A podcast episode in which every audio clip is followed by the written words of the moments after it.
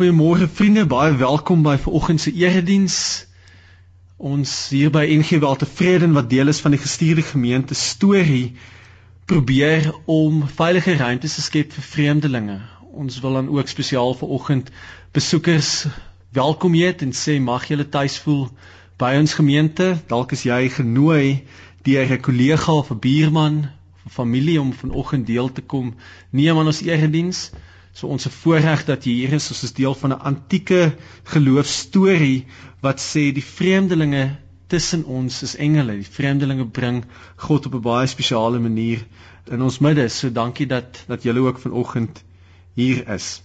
Vriende, ons gaan um stil staan by 'n baie baie belangrike teks in die Christelike geloofstorie en dit is die die bergpredikasie van Jesus en spesifiek die saligspreking Matteus 5. So indien jy solank jou vinger op 'n plek in die Bybel wil hou waar jy later vinnig soontoe kan blaai, as jy welkom om te gaan kyk na Matteus 5. Ons gaan 'n nuwe vertaling daarna kyk. Voor ons by die teks kom, loof ons Here se naam met die bekende lied Lofsing die Here.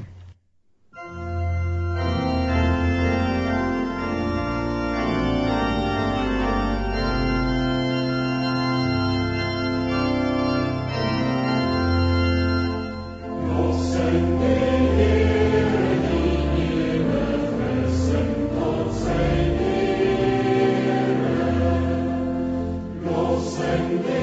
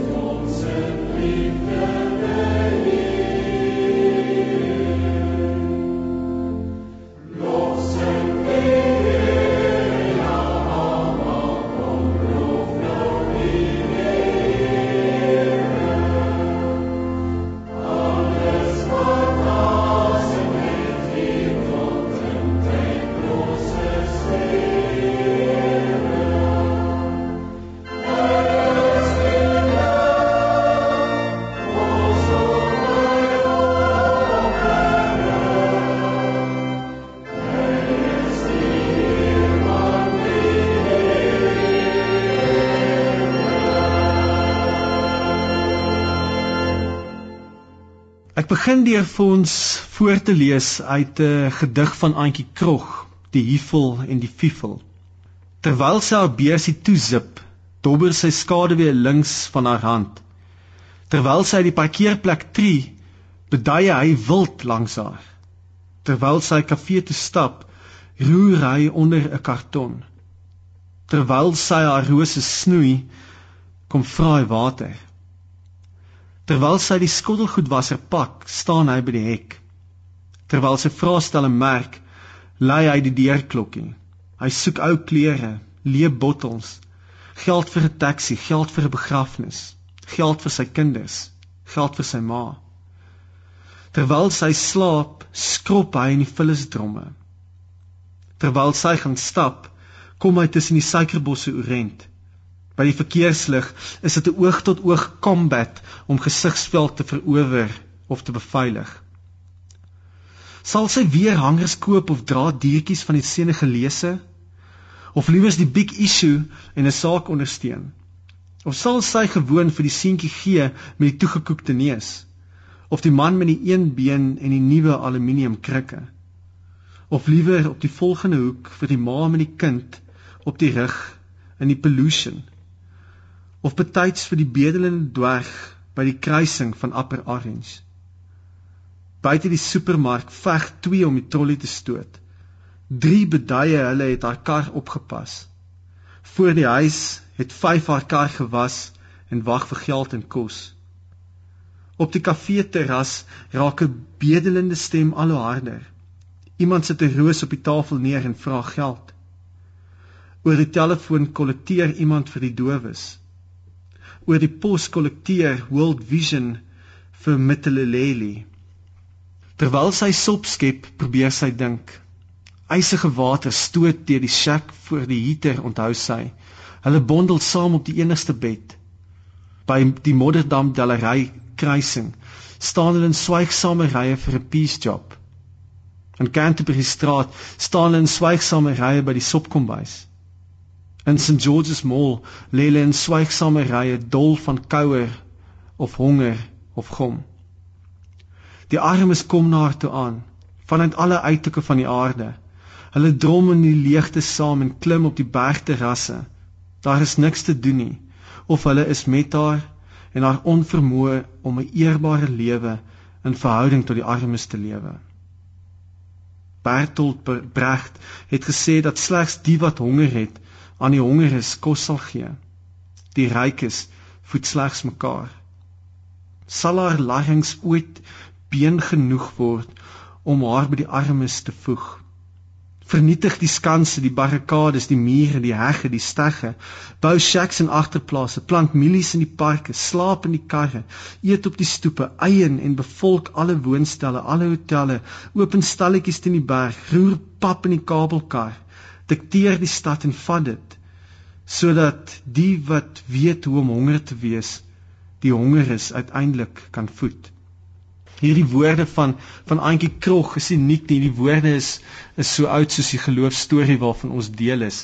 Op 'n stadium het Jesus op 'n berg gestaan en sy openingswoorde tref ons nou nog. Sy openingswoorde die saligsprekinge is onder andere die die mees geleese Christelike teks wat ons het Same tekste soos die 10 gebooie, soos 1 Korintiërs 13, Psalm 23, word Matteus 5 se saligsprekinge 'n kernteks, 'n heilige teks wat ons bind, wat ons rig, wat ons leer hoe Jesus se verbeelding rondom die koninkryk van God werk.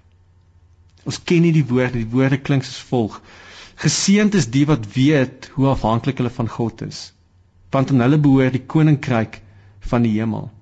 Geseënd is die wat treur, want hulle sal vertroos word. Geseënd is die sagmoediges, want hulle sal die nuwe aarde ontvang. Geseënd is die wat honger en dors na wat reg is, want hulle sal versadig word. Geseënd is die wat barmhartig is, want aan hulle sal barmhartigheid bewys word. Geseënd is die wat rein van hart is, want hulle sal God sien. Geseënd is die vredemakers, want hulle sal kinders van God genoem word. Geseënd is die wat vervolg word omdat hulle doen wat reg is, want aan hulle behoort die koninkryk van die hemel. Geseënd is julle wanneer die mense julle ter wille van my beledig en vervolg en valslik al wat sleg is van julle sê. Wees bly en verheug, want julle loon is groot in die hemel. Hulle het immers die profete voor julle net so vervolg. Met hierdie woorde kom keer Jesus die wêreld onderste bo. Nuwe teoloë wat oor hierdie teks praat, praat van die koninkryk van God as God se omgekeerde koninkryk. 'n onderste bo wêreld. 'n Wêreld waar reg anders lyk as hoe die wêreld dit vir ons wys. 'n Wêreld waar mag anders werk, waar verhoudings anders werk en waar die boksies waarin ons mekaar die hele tyd sit, die um prentjies wat ons aan mekaar hang, die kentekens wat ons op mekaar se nekke sit, op 'n manier weggeneem word deur Jesus en ons kry 'n nuwe identiteit. Hierdie is die koninkryk van God. Dit kom en en werk teen ons um vooroordeele in. En dis dis wat ek ver oggend uit hierdie teks wil bring, ons boksies. Die prentjies wat ons het van mense, verskillende mense. Die ander dag sit ek in 'n koffiewinkel en lees en 'n tannie kom stap nader. Sy kyk my so op en af en kondig luidkeels aan: "Jy lyk dan nie regtig soos 'n dominee nie." Vir 'n oomblik was ek onseker of sy dit as 'n kompliment of kritiek bedoel het.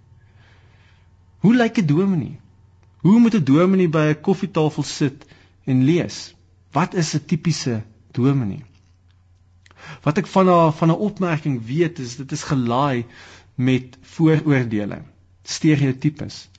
Sy het 'n spesifieke verwagting van hoe 'n predikant moet lyk wanneer hy by 'n koffietafel sit en lees en is duidelik dat ek nie aan haar verwagtinge voldoen nie. Daar is deur die jare 'n klompie stereotypes rakende predikante opgebou en hierdie tannie sien weinig daarvan in my. Dit geld egter nie net vir predikante nie.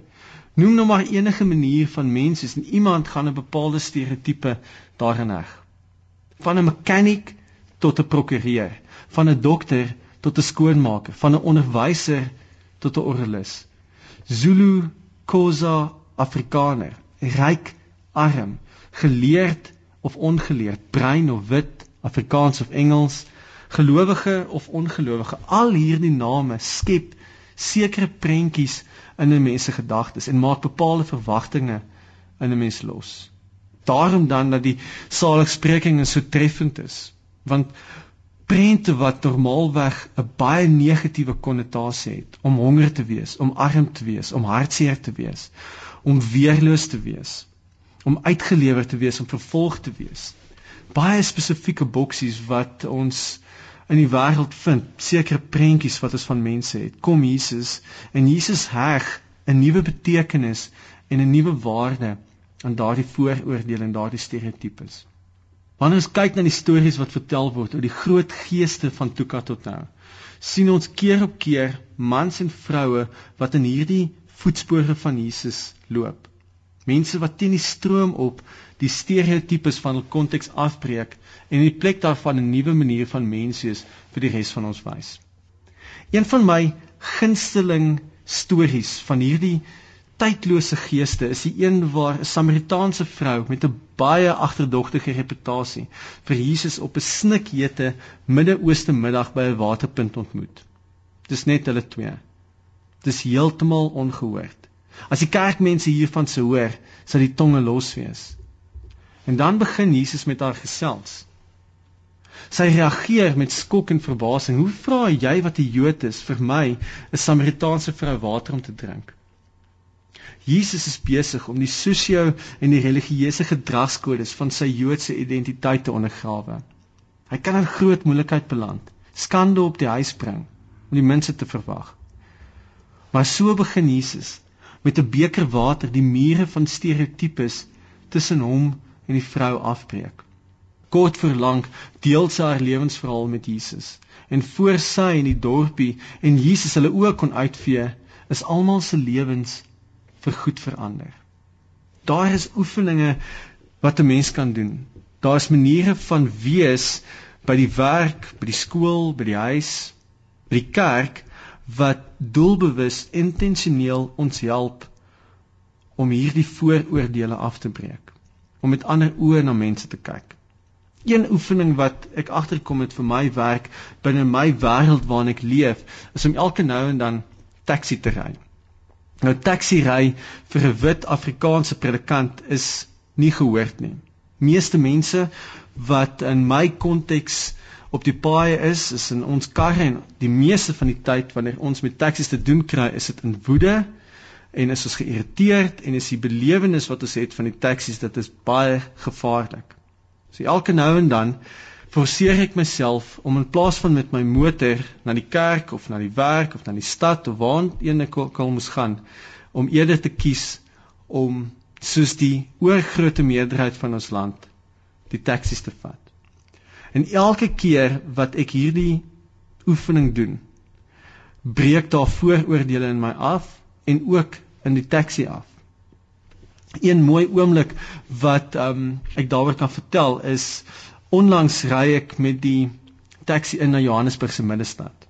En een ding wat ek nou al vir baie lank vir myself weet is ek is nie goed om op die oomblik baie vinnig 'n wiskundige som te maak nie. En dit is hoe dit werk in 'n taxi. Daar's altyd geld wat uitgedeel word, daar's altyd 'n wiskundige som wat plaasvind en jy moet die hele tyd geld vorentoe stuur en jy moet daai klein geld weer kan terugstuur vir die ou wat vir die geld gegee het. En gewoonlik wat ek doen as ek in 'n taxi klim, gaan sit ek so ver agter as moontlik sodat ek net my geld kan aanstuur en geen verantwoordelikheid hoef te vat vir die rekeningkunde van die taxi nie. En so beland ek my in die middel van die taxi in die middel van die sitplek. Langs aan my teen die venster sit 'n vrou, 'n middeljarige vrou. Skyn steen aan my sit 'n klein seentjie iewers in die laerskool met sy skoolklere aan en links van my sit 'n uh, ouerige dame.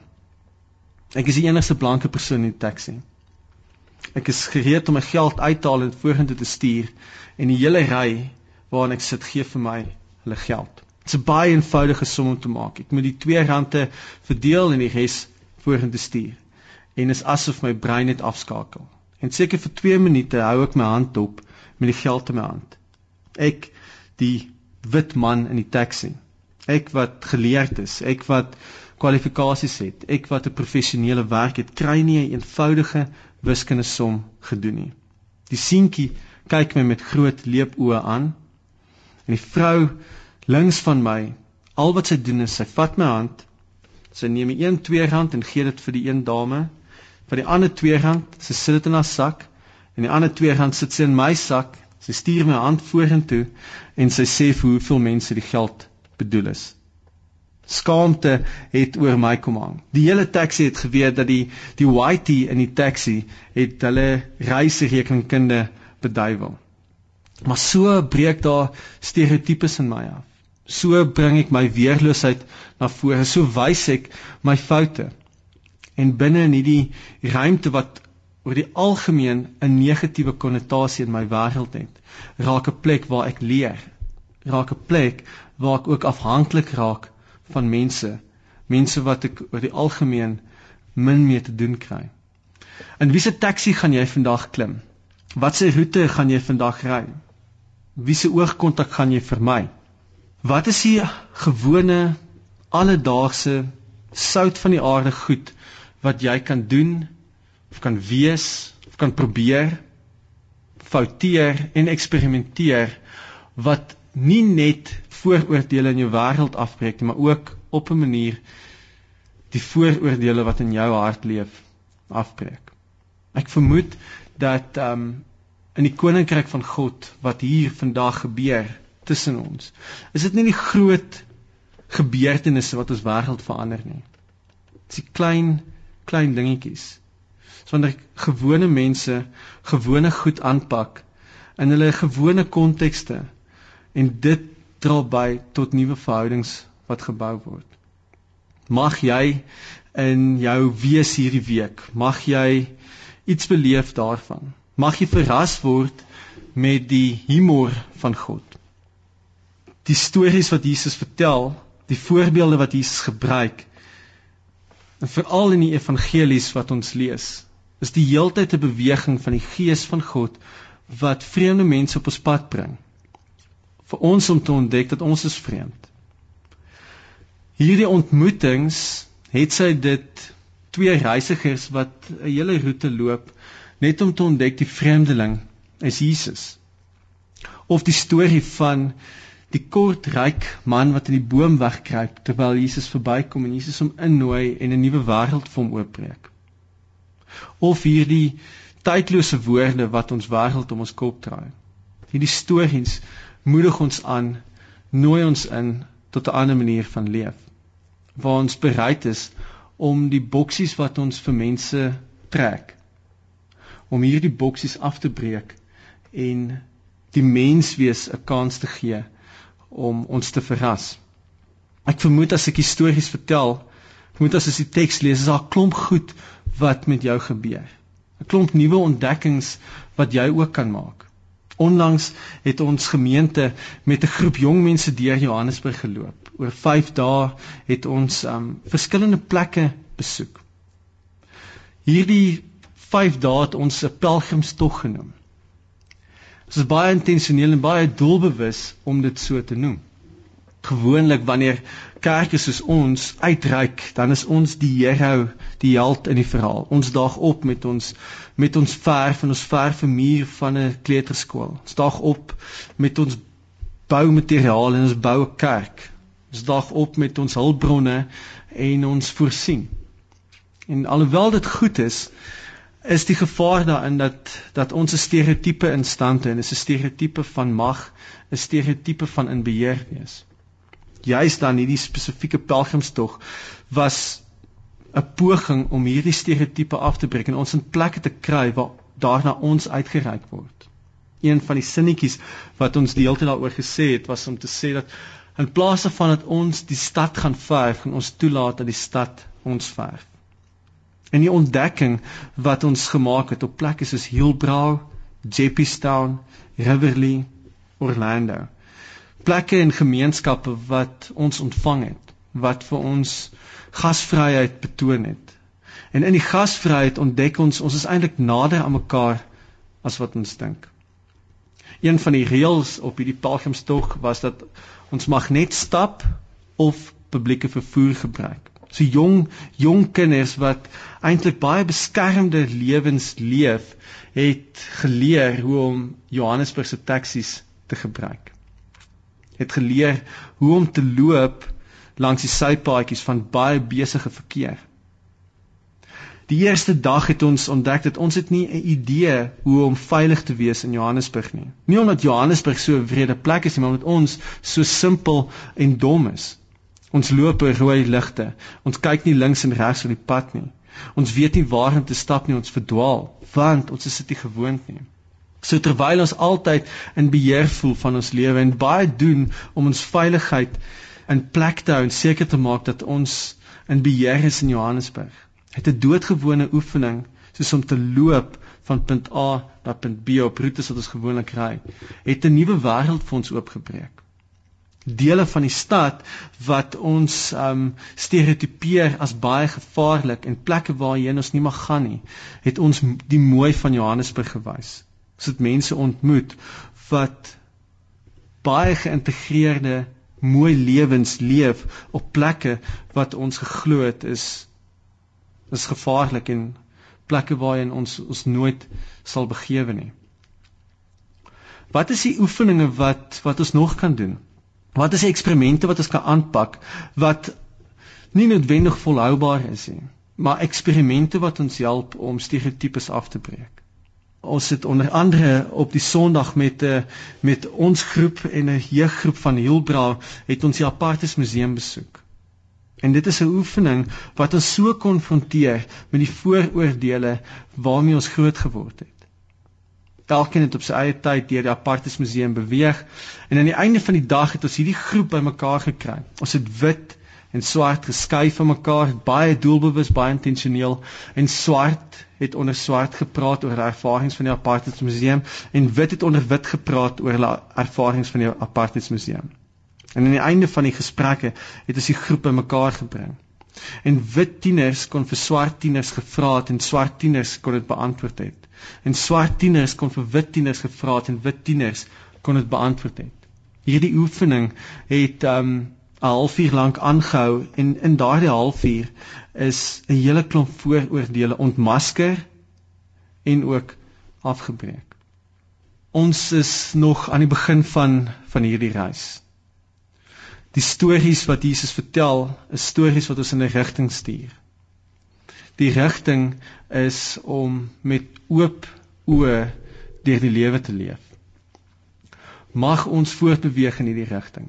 En mag ons op allerlei kreatiewe maniere uit ons boksies begin dink oor hoe ons die mense tussen ons kan raak sien en ook kan toelaat dat mense vir ons op 'n ander manier kan sien. Amen. Kom ons sluit die oë. Here, U neem ons op plekke waar ons nooit gedink het ons sal wees nie. U gee vir ons die waagmoed om uit te beweeg En daar waar ons vashak en bang wegkruip, kom haal U ons en kom neem U ons in 'n rigting. U beweeg ons oor grense. U bevry ons van ons vrees. U maak dat liefde in ons harte leef. Ons vra Here dat dat U saam met ons sal wandel. Ons vra Here dat dat U soos in die woorde van die sanger Stef Bos dat U die engel aan ons sy sal wees wanneer ons deur die donker strate beweeg. Mag gee ons die vrede en ook die waagmoed gee. Amen. Vriende, kom ons sluit hierdie erediens af met die sing van 'n slotlied waar daar liefde is, lied 526 en ons sing dit staande.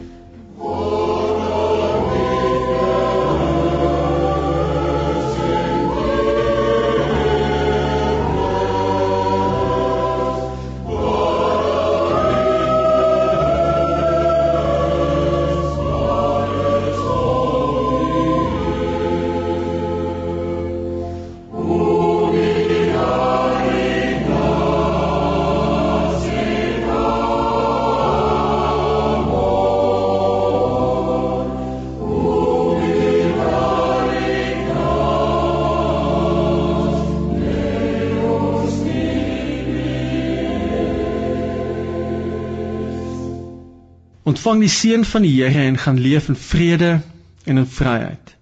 Die Here sal ons seën en beskerm. Die Here sal ons genadig wees. Die Here sal na ons gebede luister en die Here sal ons vrede gee. Amen.